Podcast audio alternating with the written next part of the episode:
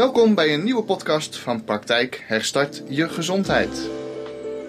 De podcast die je alles leert over ziekte en gezondheid. Wat maakt je gezond? Wat maakt je ziek? Wat kan jij doen om gezonder te worden? De nieuwste therapieën, de laatste technieken, de beste adviezen. Je leert het allemaal bij deze podcast. Mijn naam is Kai Alexander, oprichter van Praktijk Herstart Je Gezondheid. En ik heb vandaag weer een hele waardevolle podcast voor je. Gelijk even een medische disclaimer. Alle informatie en medische claims in deze podcast rusten enkel en alleen op onze persoonlijke ervaringen en zijn niet per se wetenschappelijk bewezen. Onze diensten en adviezen zijn geen vervanging voor hulp van getrainde medische professionals zoals artsen. Ik ga je vertellen over mezelf en wat mij een expert maakt op gebied van Lyme. Wat Lyme is en welke klachten het veroorzaakt en het belangrijkst, hoe kom je er vanaf? Wat zijn de verschillende behandelmethoden? Welke werken en waarom werken ze? Welke werken totaal niet of zelfs averechts en moet je vermijden? Dit alles zal ik afwisselen met enkele praktijkvoorbeelden en op het eind zal ik nog een mooie actie in de groep gooien. Ten eerste, wie ben ik eigenlijk en wat kwalificeert mij om jou deze informatie te kunnen brengen? Mijn naam is Kai Alexander, ik ben 33 jaar oud en inmiddels 6 jaar actief als natuurgeneeskundig therapeut binnen de biofysische geneeskunde. Ik heb inmiddels twee boeken gepubliceerd, één over de ziekte van Lyme en één over Candida. Ik ben therapeut geworden omdat ik voordat ik hiermee begon al ruim 10 jaar op zoek was naar een therapie die mij kon helpen met mijn eigen gezondheidsklachten die veroorzaakt werden door een van de moeilijkste te behandelen ziekten die er zijn, chronische ziekte van Lyme. Ik heb tientallen therapieën, supplementen en diverse diëten geprobeerd in een poging mezelf te genezen van de hardnekkige vermoeidheid, hoofdpijn, darmspier- en gewrichts- en pijnklachten die mij het leven zo zuur maakten. Daardoor heb ik als geen ander geleerd wat werkt en wat werkt niet. Ik heb duizenden en duizenden uren gestudeerd, alles gelezen wat te lezen is, alles geprobeerd wat te proberen valt, alles wat betrekking heeft met de ziekte van Lyme. En de, alle aspecten van Lyme, alle co-infecties. Ik heb alles uitgezocht. En ik weet als geen ander nu wat werkt het allerbeste en wat werkt niet. En waarom werkt het niet en waarom werkt het wel. Ik heb inmiddels dan ook twee drukke praktijken, één in Hogeveen en één in Amersfoort. En ik heb de afgelopen jaren nog beter kunnen testen op honderden verschillende Lyme-patiënten wat werkt nou echt gegarandeerd voor iedereen en wat werkt niet? In de afgelopen zes jaar heb ik ruim 3000 mensen behandeld, waarvan zeker een derde met de ziekte van Lyme te kampen had. Maar wat is de ziekte van Lyme eigenlijk? In 1975 deed zich er in Lyme, een plaats in Connecticut, in Amerika en in de omliggende gemeenten een mysterieuze ziekte voor die artritis veroorzaakte bij kinderen. Men stelde vast dat deze ziekte een verband had met tekenbeten. In 1981 isoleerde een onderzoeker genaamd Dr. Willy Borgtoveer samen met zijn collega's de boosdoener, een kurkentrekkerachtige bacterie met de naam Borrelia borgdoveri.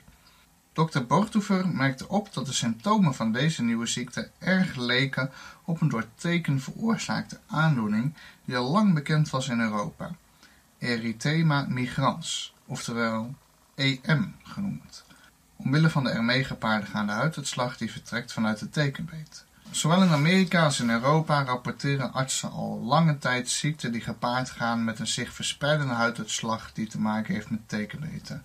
Maar omdat ze geen doeltreffende behandelopties beschikbaar hadden en omdat de ziekte mensen wel verzwakte, maar niet levensbedreigend was, werd er nooit veel aandacht besteed aan ziekten die door teken werden veroorzaakt. Er is sinds toen niet veel veranderd in de medische wereld.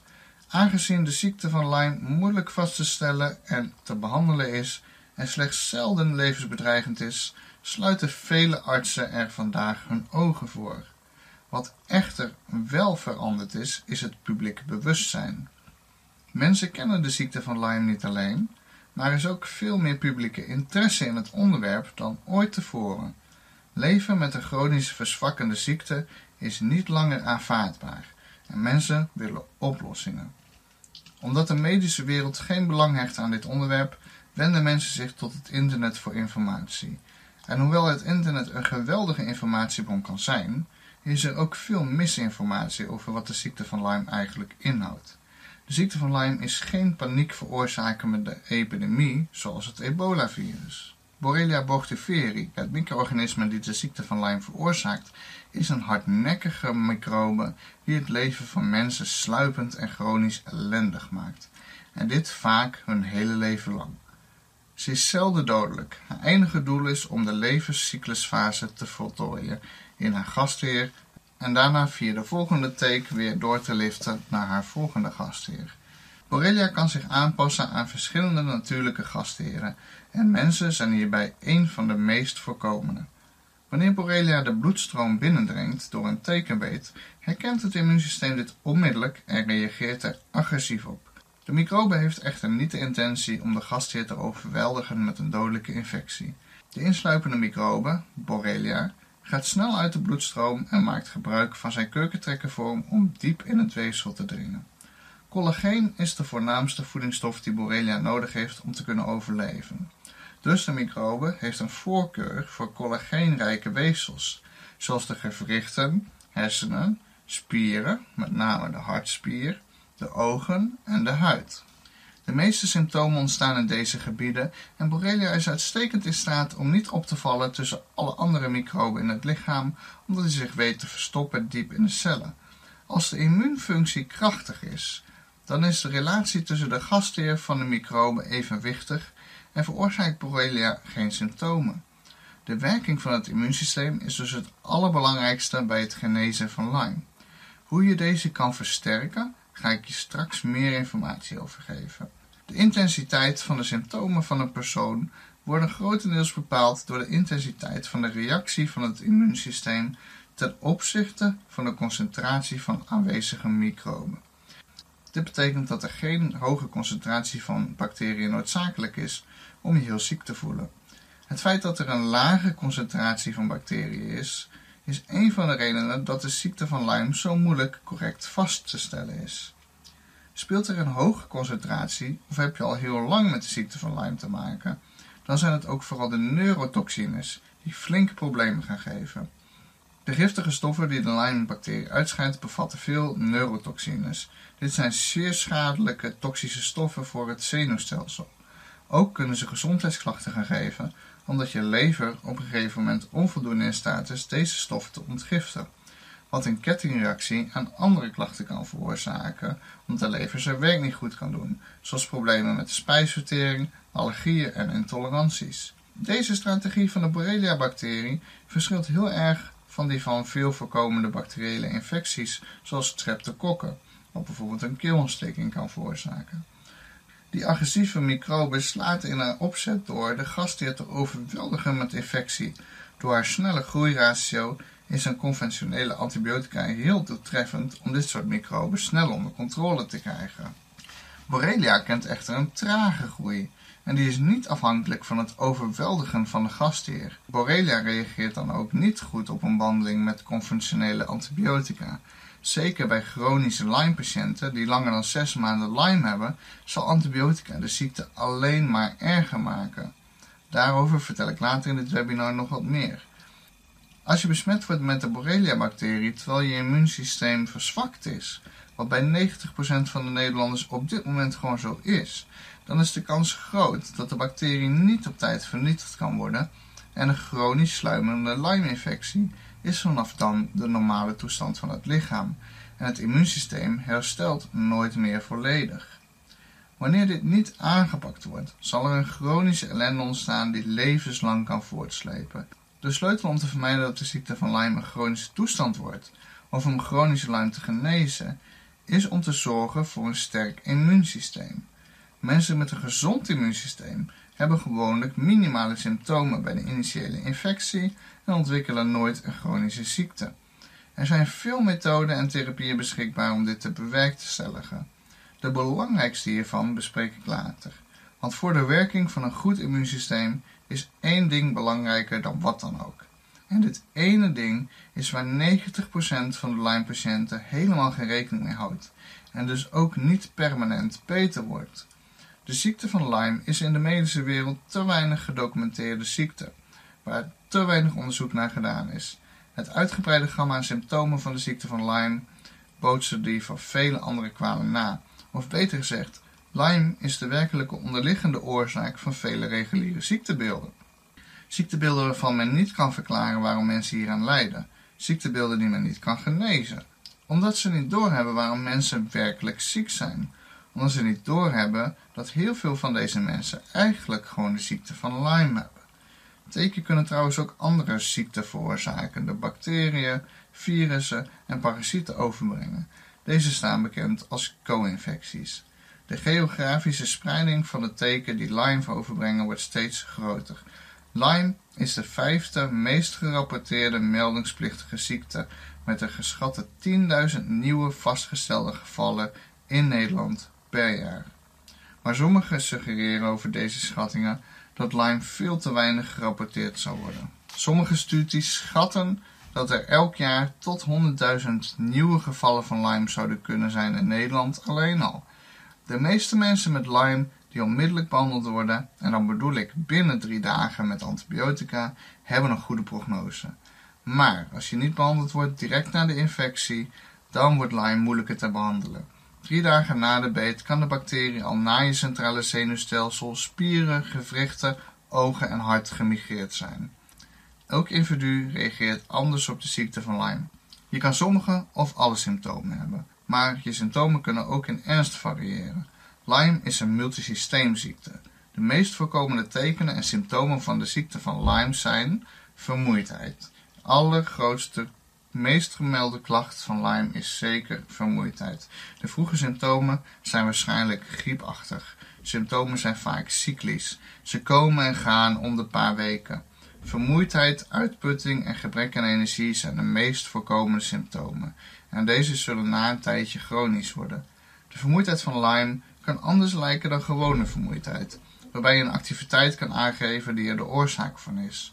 Deze vermoeidheid lijkt je lichaam gewoon volledig over te nemen.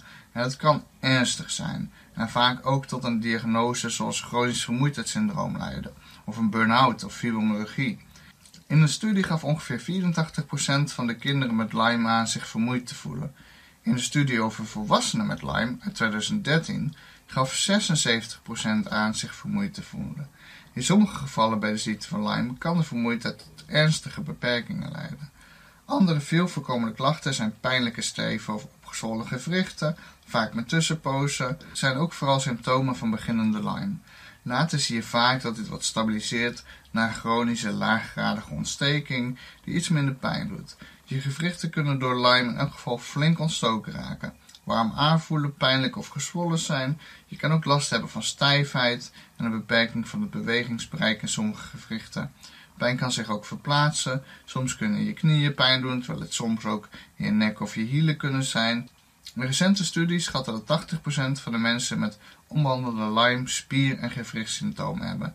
En 50% van de mensen met Lyme hebben regelmatig klachten van artritis. Andere vaak voorkomende symptomen van Lyme zijn griepachtige symptomen zoals hoofdpijn, duizeligheid, koorts, spierpijn en algehele malaise. Ongeveer 50% van de mensen met de ziekte van Lyme heeft griepachtige symptomen. Je symptomen kunnen licht zijn en het kan zijn dat je niet denkt aan Lyme als oorzaak. Wanneer er wat koorts optreedt bijvoorbeeld, dan is deze gewoonlijk vrij laag. Wat ook wel eens voorkomt is nachtelijk zweten en slaapstoornissen. Een veel vervelendere klacht Lyme voorkomt, is ook cognitieve achteruitgang. Er zijn veel soorten en graden van cognitieve stoornissen en ze kunnen angstwekkend zijn. Het kan zijn dat je merkt dat je moeilijk kan concentreren op school of op het werk. Je geheugen zal minder goed werken, terwijl dat vroeger niet het geval was. Verder kan lijmgevoeligheid voor licht en geluid geven, uitvalverschijnselingen van ledematen, tintelingen in handen en voeten, koude handen en voeten, onverklaarbare jeuk, aangezichtspijn en een breed scala neurologische problemen, zoals problemen met het evenwicht en een studie door het Amerikaanse Centrum voor Ziektebeheersing en Preventie voor bijna 300.000 gevallen van de ziekte van Lyme tonen aan dat 12% van de patiënten met de ziekte van Lyme last had van symptomen veroorzaakt door schade aan de hersenzenuwen, terwijl de bacterie van Lyme zich door het zenuwstelsel verspreidt, kan het het weefsel aangetast raken bij de verbinding tussen de hersenen en de wervelkolom. Zo kan Lyme ook leiden tot hersenvliesontsteking, nekpijn of stijfheid, hoofdpijn en gevoeligheid voor licht. En natuurlijk hebben we de huidproblemen. De kenmerkende uitslag van de tekenbeet bij Lyme lijkt op een solide rode ovaal of een roos. Deze kan overal op je lichaam voorkomen. Let wel, de meeste mensen met Lyme krijgen nooit deze huiduitslag. Ook herinneren ze zich niet ooit een tekenbeet te hebben gehad. Chronische huidklachten komen ook voor bij Lyme. Je kan onverklaarbare huiduitslag of grote kneuzingen hebben zonder voor de hand liggende oorzaken. Huidproblemen kunnen jeukend zijn en ze kunnen er best lelijk uitzien. Bacteriën kunnen ook het weefsel rond het hart binnendringen, een aandoening die Lyme carditis genoemd wordt. Carditis kan van mild tot ernstig voorkomen. De interferentie van bacteriën in het hart kan pijn op de borst, een licht gevoel in het hoofd, kortademigheid en hartkloppingen veroorzaken. Ik had hier zelf altijd al veel last van, maar wist nooit dat het door Lyme kwam. Kortom, Lyme is een ernstige ziekte die overgebracht wordt op teken met een breed gamma van symptomen. Heb je de ziekte van Lyme, dan is het noodzakelijk om een arts of therapeut te vinden die, goed, die goede ervaring heeft met de ziekte van Lyme, omdat er veel onwetendheid heerst en verkeerde diagnoses en behandelingen jouw situatie kunnen verergeren. Dan wil ik het nu even hebben over de beschikbare test- en diagnosemethoden voor de ziekte van Lyme. Het vinden van Borrelia of een andere verborgen microbe in het lichaam is als proberen om een handvol criminelen te vinden die verspreid zitten in Amsterdam. Deze microben zijn meestens in het opgaan tussen alle andere microben in het lichaam. Het scheiden van lage concentraties van Borrelia van de 100 triljoen andere microben in het lichaam is een Herculeswerk. Borrelia blijft diep in het weefsel aanwezig en heeft de mogelijkheid om te overleven in cellen. Dit is wat we noemen een intracellulaire infectie. Het heeft uitgebreide manieren om het immuunsysteem beter te nemen, zijn genetische handtekening snel aan te kunnen passen en het heeft geen hoge microbeconcentraties nodig om ziekte te veroorzaken. Deze factoren maken het ontwikkelen van een nauwkeurige test tot een echte uitdaging. Maar er zijn enkele testmethoden die kunnen helpen om de diagnose van de ziekte van Lyme te bevestigen. Een belangrijke test kan de amnese mede op basis van symptomen en voorgeschiedenis zijn. Een zelftest vind je in mijn boek van Lyme. Er staat een uitgebreide test met allemaal vragen waarmee je een redelijk duidelijk beeld kan krijgen of Lyme bij jou nou wel of niet een rol speelt. Het boek kun je gratis downloaden op mijn website. Ik zal nu eerst even de wetenschappelijke testen bespreken en daarna de testen in de aanvullende geneeskunde. De meest definitieve test binnen de reguliere geneeskunde om de aanwezigheid van een microbe aan te tonen en om die van Lyme aan te tonen, is om deze in het lab te kweken uit een monster van bloed of weefsel. In Nederland doet men dit eigenlijk nooit. In Duitsland komt het veel meer voor, aangezien Borrelia echter in zulke lage concentraties in het bloed of weefsel voorkomt en heel moeilijk te kweken is onder kunstmatige omstandigheden, zijn zulke kweektesten zeer zelden voor huisartsen beschikbaar en moet je er eigenlijk altijd voor naar het buitenland en is het ook een zeer kostbare aangelegenheid. Dan hebben we nog testen zoals ELISA en Western Blot. Deze worden het meest gebruikt. Deze zoeken naar de aanwezigheid van antilichamen die door het immuunsysteem van de gastheer geproduceerd worden tegen Borrelia. Deze worden aanbevolen als screeningtesten voor de ziekte van Lyme. Bijna alle huisartsen in Nederland werken met deze testen. De reguliere geneeskunde beweert dat iedereen met de ziekte van Lyme positief zal testen op deze test, maar in de praktijk blijkt keer op keer dat de test een lage voorspellende waarde heeft en vaak een valse negatieve uitslag geeft en zo een boel mensen met Lyme vertelt dat ze helemaal geen Lyme hebben. Specialisten die de ziekte van Lyme behandelen, vinden deze testen slechts van beperkt nut. Een ander nadeel is dat deze veelgebruikte tests eigenlijk de enige is in Nederland die beschikbaar is en slecht kijkt naar één type Borrelia, de Borrelia bortuferi, terwijl in de complementaire geneeskunde inmiddels ruimschoots geaccepteerd is dat er veel meer soorten Borrelia zijn die soortgelijke klachten kunnen geven zoals de Borrelia garini of de Borrelia afzelli. Test je negatief op de Borrelia burgdorferi, dan kan het dus nog steeds zo zijn dat je de ziekte van Lyme hebt, maar dan veroorzaakt door een van de poortjes van de Borrelia burgdorferi of door de Lyme co-infecties, die gezamenlijk ook een soortgelijk ziektebeeld kunnen veroorzaken. Nou, dan hebben we ook nog PCR-testen. Dit is weer wat nieuws. Deze testen die specifiek ontworpen werden voor het DNA van Borrelia in het bloed van de gastheer te kunnen herkennen. Omdat de microbe echter snel verdwijnt uit het bloed, is de waarde van de PCR-testen bij Lyme zeer beperkt. Slechts ongeveer de helft van de mensen met de ziekte van Lyme zal positieve testresultaten hebben op PCR-testen. Dus deze test is niet heel nauwkeurig. De PCR-testen zouden beperkt moeten worden tot het gebruik van een zeer acute blootstelling aan tekenbeten. Maar zelfs dan sluit een negatieve test de kans op een infectie met Borrelia niet uit. Wel is het zo dat die positief test dat je het wel hebt, is het wel een betrouwbare uitslag. In het algemeen kunnen labtesten beperkt helpen om de diagnose van de ziekte van Lyme te bevestigen, want ze geven vaak onnauwkeurige en onbetrouwbare resultaten. Zeker als ze negatief testen, is het lang niet altijd betrouwbaar. Meer dan de helft van de mensen met symptomen die geassocieerd worden met de ziekte van Lyme zullen niet voldoen aan de eisen voor een positieve labtest op Borrelia burgdorferi. Daarom ga ik nu verder met succesvolle alternatieven die wel betrouwbaar zijn. Dit zijn de zogenaamde frequentie-resonantietesten, ook wel bioresonantietests of radionica-tests genoemd. De complementaire geneeskunde, waar ik mee werk, diagnosticeert infecties heel anders. Met bioresonantietechnieken meet je de aanwezigheid van een bacterie in het lichaam en kijken we niet of er antistoffen in het lichaam zijn. De magneetfrequentie in het lichaam van een infectie is namelijk altijd meetbaar. Bioresonantie, biofotonen en radionica diagnostissystemen meten door middel van elektromagnetische velden. Het is wetenschappelijk al geruime tijd vastgesteld dat alles, inclusief wij zelf, omringd worden door een elektromagnetisch veld.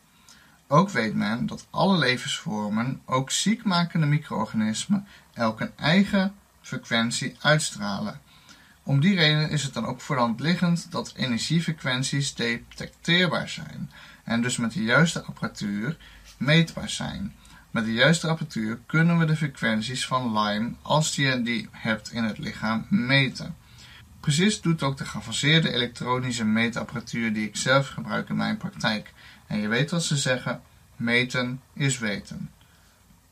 Na een levend bloedanalyse controle op co-infecties zoals parasieten, en een controle op onder andere lekkende darm en aanwezigheid van candida-overbelasting, welke vaak voorkomt bij mensen met Lyme, meet ik je lichaam door met mijn bioresonantiesysteem.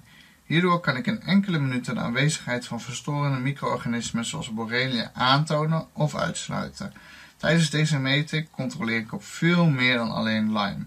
Ik controleer op 500 veel voorkomende micro-organismen en ziektebeelden, waaronder diverse Borrelia varianten van de ziekte van Lyme, alle co-infecties van de ziekte van Lyme, maar ook veel voorkomende virussen zoals het herpes Epstein-Barr virus en candida schimmels, zodat ik een advies op maat kan geven over welke voedings- en leefstijlveranderingen gemaakt kunnen worden en ik een goed behandelplan kan opstellen.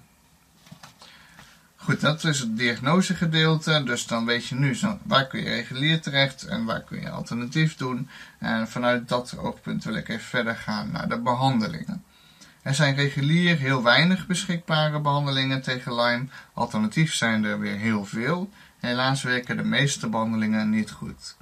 Het enigste gebruikte middel tegen Lyme binnen de reguliere geneeskunde is antibiotica. Maar helpt het? Helaas niet. Een van de problemen is, de medische geneeskunde erkent de term chronische ziekte van Lyme niet. Zij kennen aanhoudende symptomen van de ziekte van Lyme die optreden na meer dan zes maanden toe aan andere ziekten. Artsen aan de andere zijde van het spectrum die chronische ziekte van Lyme wel erkennen, raden ondanks tegenvallende resultaten een langdurige therapie met krachtige antibiotica aan, soms zelfs via het infuus.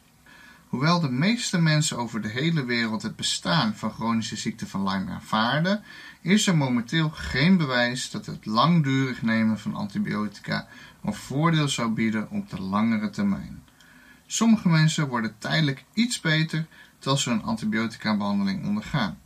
Maar het merendeel van de mensen gaat blijvend achteruit. En zij die wel vooruit gingen door antibiotica, gaan opnieuw achteruit wanneer er gestopt wordt met antibiotica. Dit is niet verbazingwekkend als je de ware aard van Borrelia bestudeert, dan heeft een agressieve en langdurige behandeling met antibiotica geen zin. Antibiotica werken prima tegen bacteriën die snel groeien en voorkomen in hoge concentraties. Borrelia en andere opportunisten groeien echter zeer traag en komen voor in lage concentraties in het lichaam. Ze dringen door in weefsels waar antibiotica niet kunnen komen. Ook is Borrelia, zoals ik al zei, een intracellulaire infectie. Hij verstopt zich in je cellen en antibiotica komt daar niet in.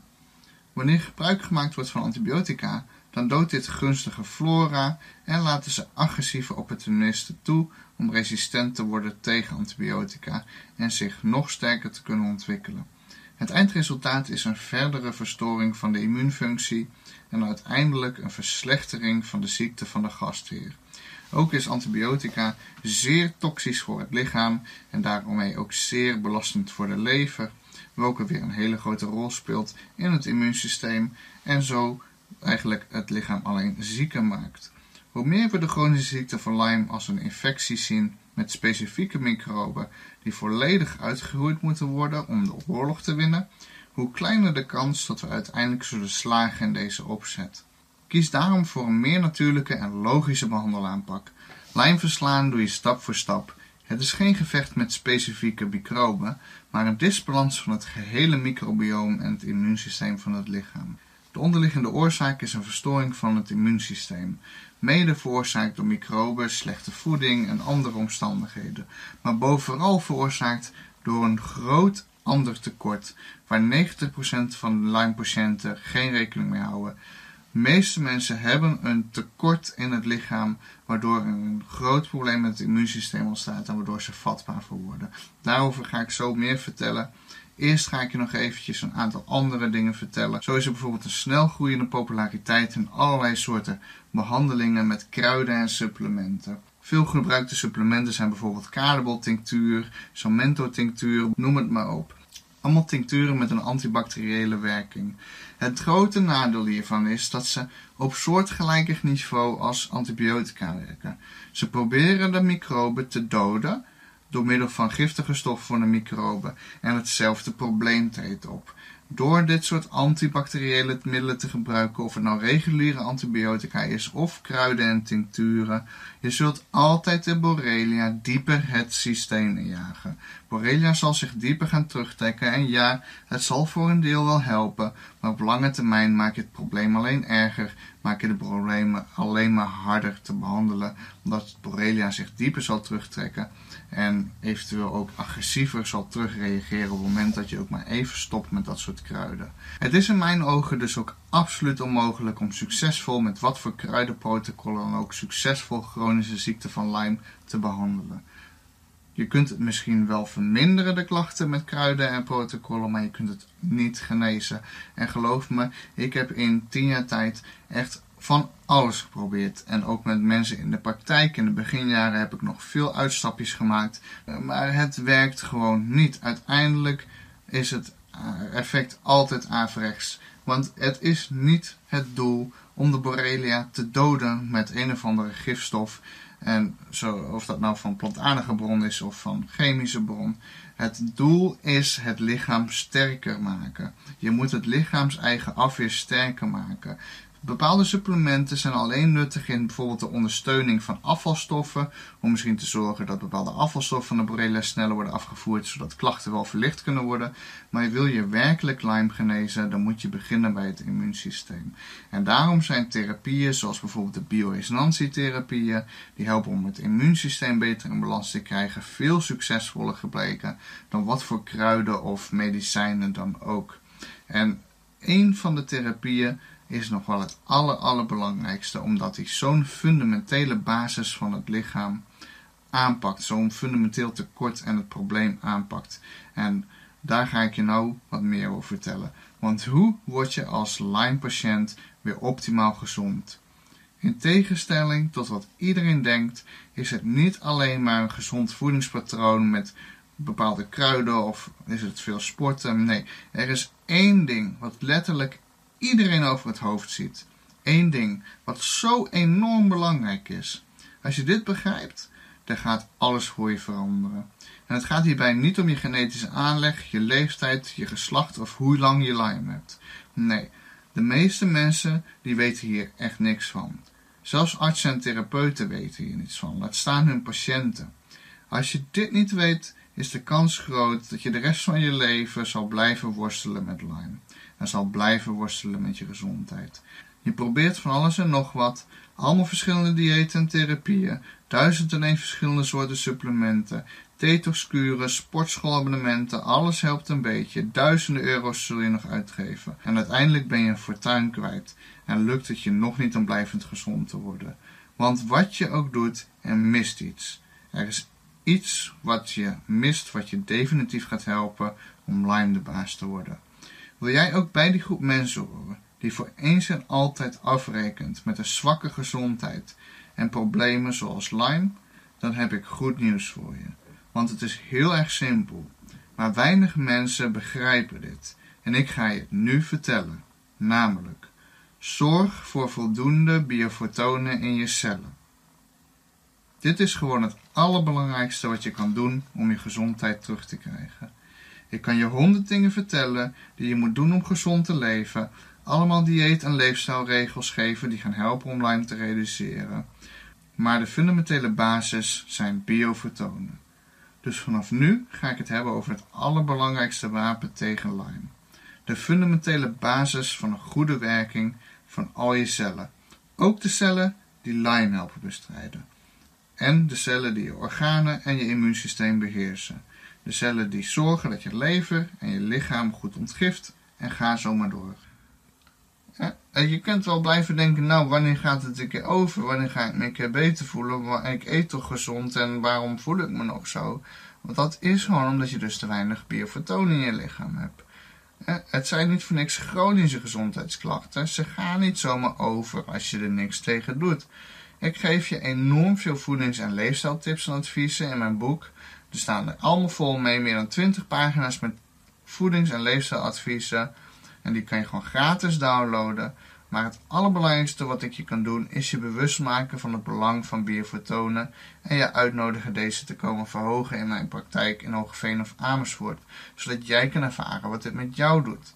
Kijk, en je kunt denken, nou, wat Kai doet is proberen mij te overtuigen van zijn therapie, maar ik geloof ik gewoon in deze therapie, omdat het niet alleen mij gigantisch heeft geholpen, maar dat ik gewoon elke week weer zie wat het met mensen doet. Ik zou het wel van de daken willen schreeuwen dat iedereen deze therapie moet gaan doen. Want het werkt gewoon fantastisch. En niet omdat het één specifiek probleem oplost waar maar één persoon last van heeft. Nee, omdat het juist holistisch hetgeen behandelt wat zo fundamenteel aan de basis zit van zoveel problemen. Dat is dus dat ze te weinig biofotonen in het lichaam hebben en als je die gaat verhogen, dat het hele lichaam beter gaat functioneren. In mijn ogen zou iedereen deze therapie, die ook iedereen die maar een beetje klacht heeft, zou deze therapie moeten gaan doen. Ik heb zelf zoveel tijd en moeite en geld en energie verspild aan diëten, aan therapieën, die gewoon onvoldoende hielpen, dat toen ik deze therapie ontdekte, nou, ik kon mijn ogen gewoon niet geloven. Want ik kon gewoon niet geloven dat de behandeling met wat fotonen, met wat lampjes, dat het zo'n gigantisch grote impact op het lichaam kon hebben. En dat is omdat het gewoon niet zomaar licht is. Het is gewoon heel speciaal licht met een hele speciale werking. En het is gewoon de moeite waard om dat te gaan proberen en om uit te zoeken wat is nou de reden dat je gezondheidsklachten hebt om uit te laten zoeken wat speelt er precies qua micro-organismen, welke organen zijn er uit balans. En daar kan ik je gewoon bij helpen. En een geheel verblijvende intake en diagnoseconsult in mijn praktijk, waarin ik persoonlijk door middel van een levend bloedanalyse onder de microscoop en een bioresonantiemeting uitzoek welke micro-organismen jou nou precies ziek maken en welke organen verstoord zijn. Zo'n heel consult met mij één op één kost maar 50 euro. Dat is geheel vrijblijvend. Geen enkele verplichting voor jou om daarna wel of niet door te gaan met de behandeling. Wil je na het consult een behandeling proberen, dan kan het natuurlijk gelijk. Een behandeling in mijn praktijk bestaat uit een combinatie van zes apparaten, waarvan twee fotonentherapieapparaten. Je krijgt dus veel meer waarde in mijn praktijk dan bij welke praktijk dan ook. Dus wil je graag een consult? Stuur mij dan nu een e-mail naar herstart-je-gezondheid.outlook.com en zeg daarin graag een consult reserveren met 50% korting. Dan stuur ik jou een link waarin je kunt reserveren in ons online afsprakensysteem op een datum en tijd die jou gemakkelijk uitkomt. En dan gaan we gewoon zo snel mogelijk aan de slag met jouw gezondheid.